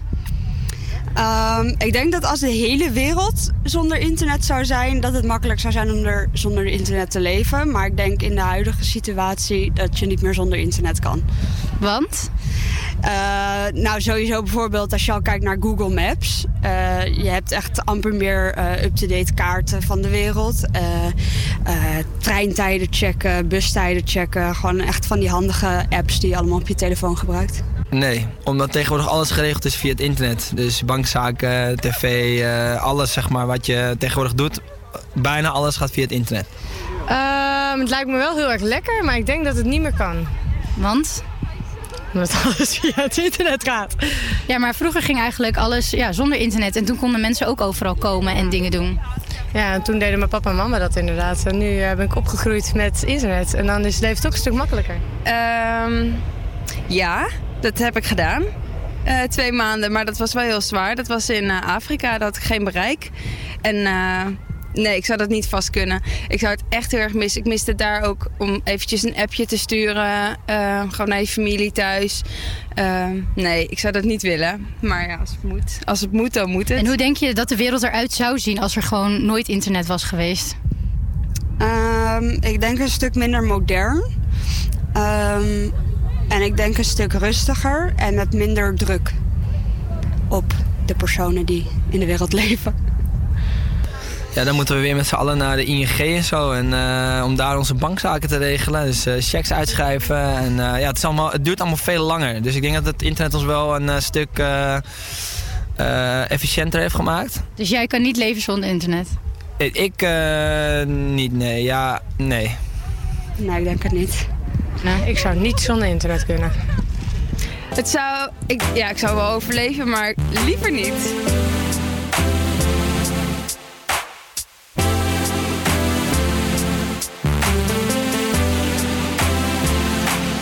Can we just talk? Can we just talk? Talk about where we're going before we get lost.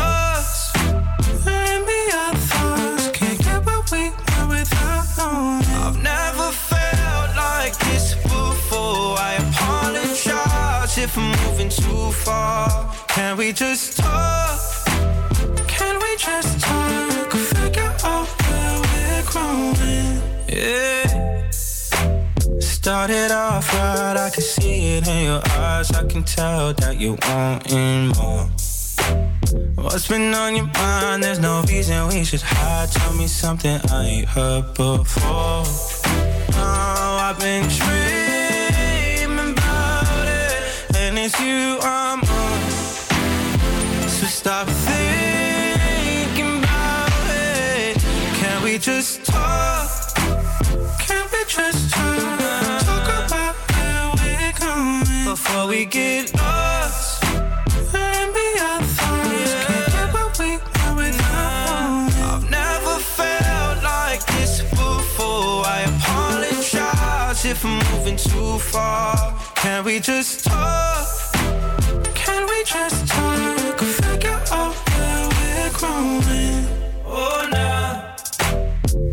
Penthouse view, left some flowers in the room. I'll make sure I leave the door unlocked. Now I'm on the way, swear I won't be late. I'll be there by five o'clock. Oh, you've been dreaming about it, and I'm what you want. So stop thinking about it. Can we just talk?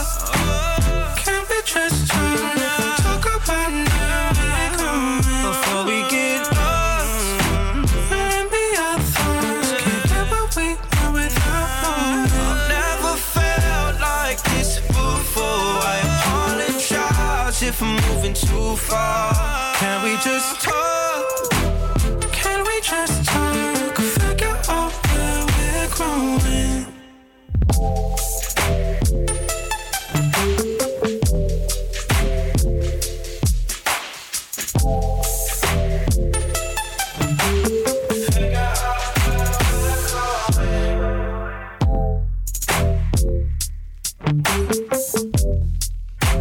Talk heet het lied. Wat? Talk heet het lied. Talk van Khalid. Oké. Want we gaan even, het is tijd voor een talk, Lars. Ja. Want eh, we zijn natuurlijk in de jaren 90. Weet je daar wat dingetjes over? Nee, helemaal niks. Oh. Ik ben benieuwd wat je allemaal voor me in petto hebt. Nou, luister jij soms Marco Borsato? Ehm, nee. Maar ik ken hem wel hoor. Ik ken Mark. Maar weet jij hoe hij bekend is geworden? Ehm, ja, door zo'n talentenshow, toch? Yes, de Soundmix Show. En in eh, 1996 brak de zanger door nadat hij op 7... Oh nee, 1990, ik maak een foutje, sorry. Dat hij op 7 april 1990 de Soundmix Show won... met zijn vertolking van het nummer At This Moment van Billy Vera. Nou ja, dus hij is al bijna 30 jaar bekend. Ja. Hij heeft nu weer een eh, zeer slecht nummer uitgebracht. Dus ik, ik denk dat het mooi is geweest. Dat liedje met uh, van Buren en Ja. eh, Davina Michel. Ja, ik ben ook niet zo heel veel fan van eh Marco. Oké. Hey, wat in de jaren 90 ook is gebeurd, wat best wel bijzonder is... natuurlijk voor onze geschiedenis... is de vrijlating van Nelson Mandela. Na 27 jaar gevangenschap komt in Zuid-Afrika... de ANC-leider Nelson Mandela vrij. De anti-apartheidstrijder was door de Zuid-Afrikaanse regime opgesloten op het Robben-eiland.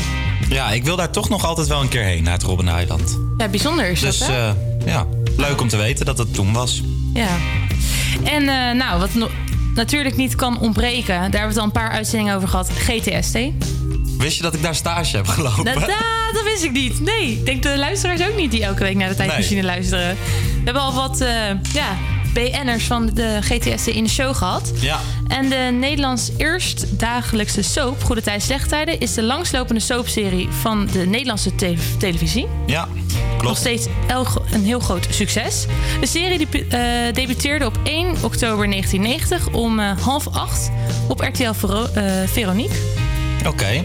Ja, ik wist wel dat dit het eh, 30 seizoen zat. Ik eh, liep stage in het eh, 29 e Oh, seizoen. goh, leuk. Dus eh, niet gek dat dat het meest populaire seizoen was. Omdat jij daar stage liep. Ah, Precies. kijk. Heb je nog een nieuwtje? Over GTST? Nee. Oh, ja, wel over TMF. Oh, Keek je dat? nee, dat vond ik echt niks. Maar Niks? Oh, ik nee. vond dat wel Toen leuk. hield ik nog niet van muziek.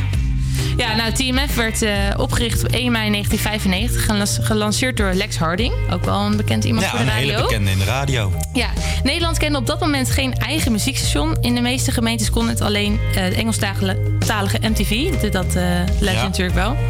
Of, Dat kon alleen worden ontvangen. Ja, precies. En in het begin had eh, TMF een beperkt bereik in Nederland. Maar dit nam al snel toe. Presentatoren of VJ's van het eerste uur waren Sylvana Simons, Bridget Maasland, Isabelle Brinkman, Fabienne de Vries, Ruud de Wild, Michel, ja, hoe zou je zijn achternaam? Of Michael. Pilarczyk. Pilarczyk. Wessel van Diepen en Erik de Zwart.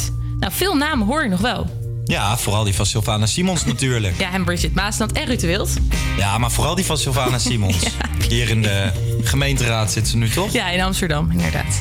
En de eerste clip werd uitgezonden was Brian May van Too Much Love with Kill You. Will Kill You. Will Kill You, ken je het lied?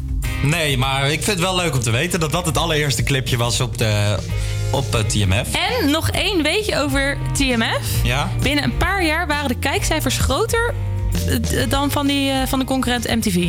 Oké, op puur omdat het Nederlands was hier in Nederland. Ja. Oké. En in 2002 nam eh, MTV Networks de aandelen van TMF over. En een aantal jaren later eh, Was TMF weg. stopten ze ermee. Ja. Oké. Nou, Nou, ben je weer even bijgepraat? Ik ben weer helemaal bijgepraat. Gaan we weer een lekker liedje luisteren? Graag. We gaan naar No Sleep van Martin Garrix.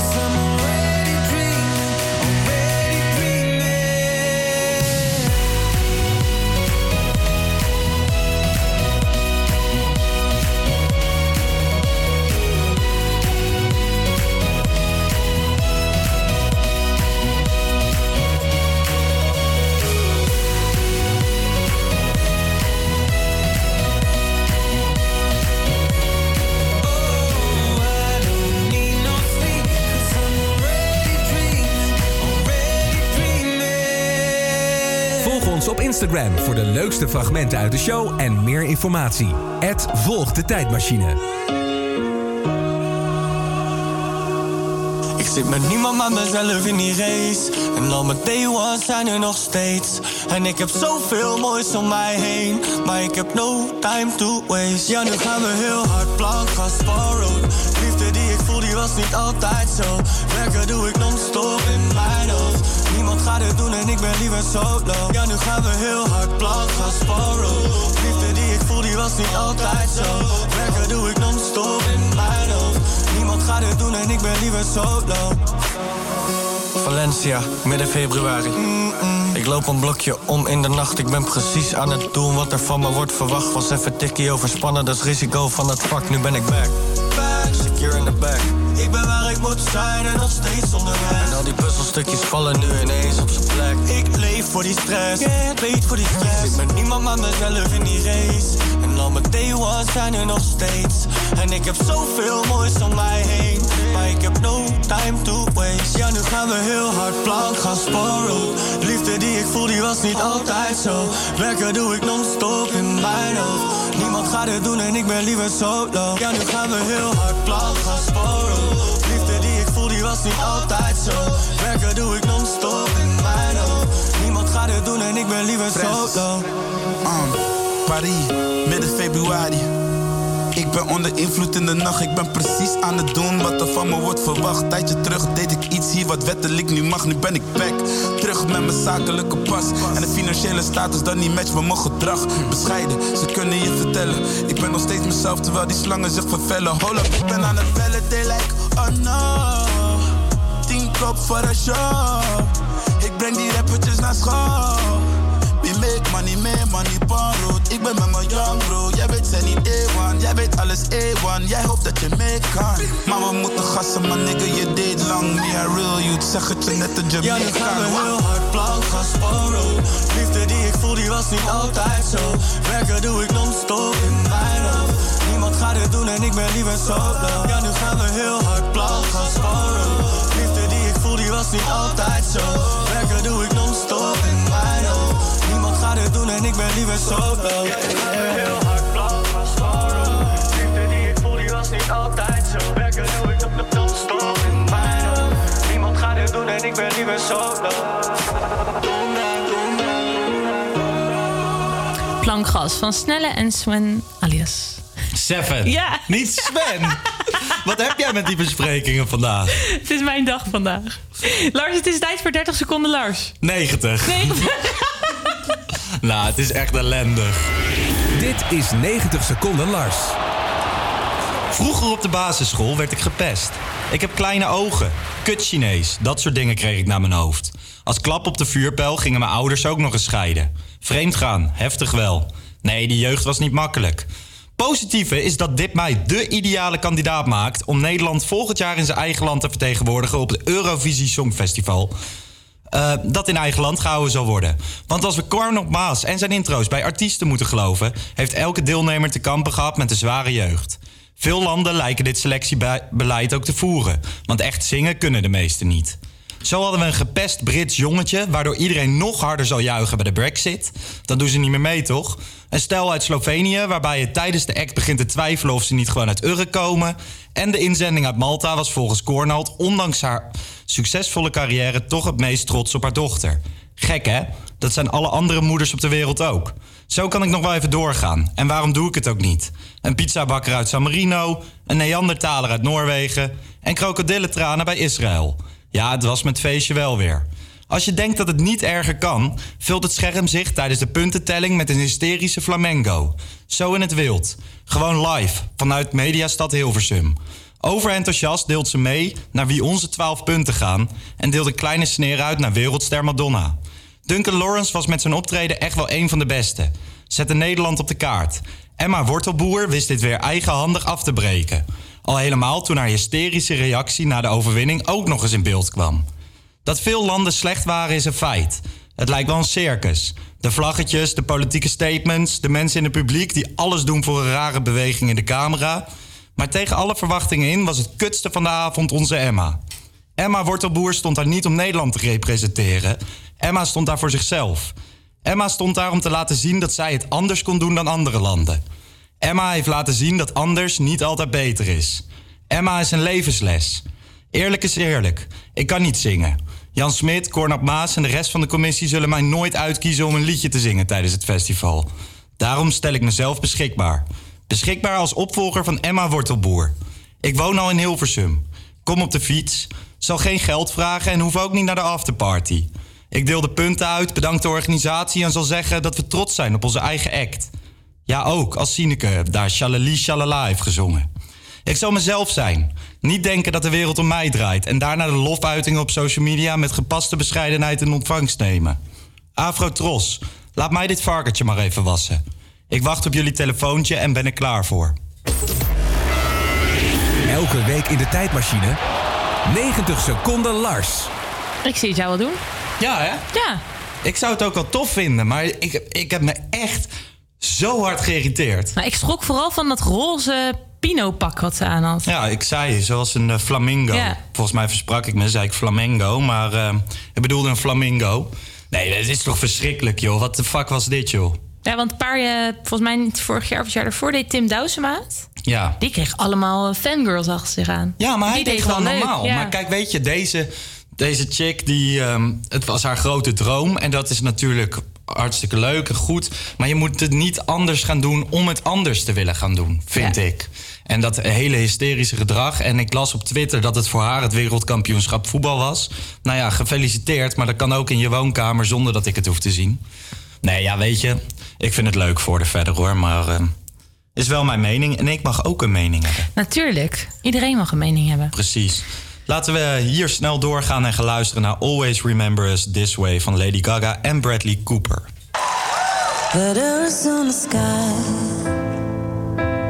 Burning in your eyes.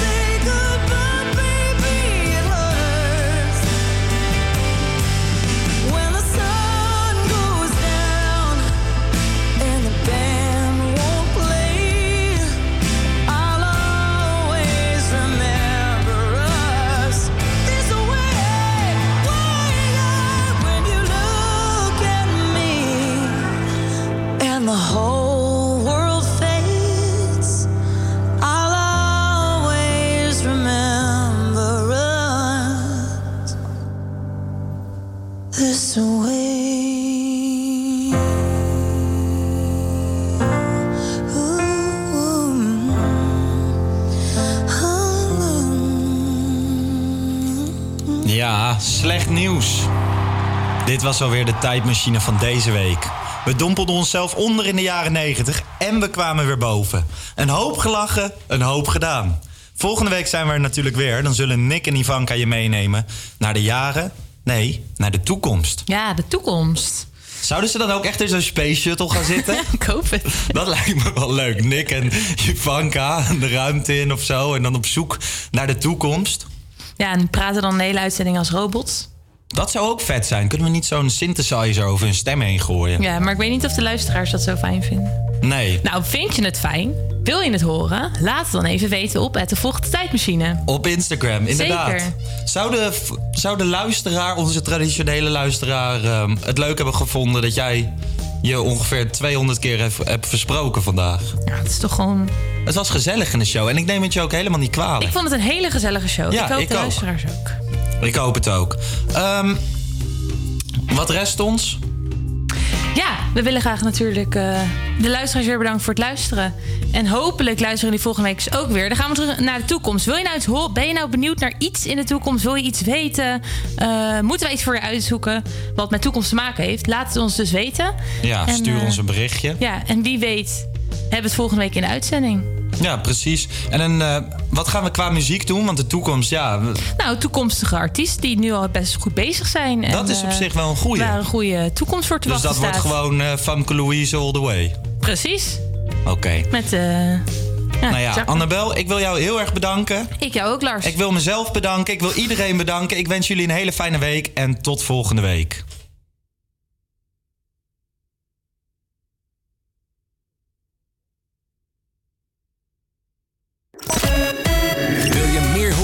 Tijdmachine?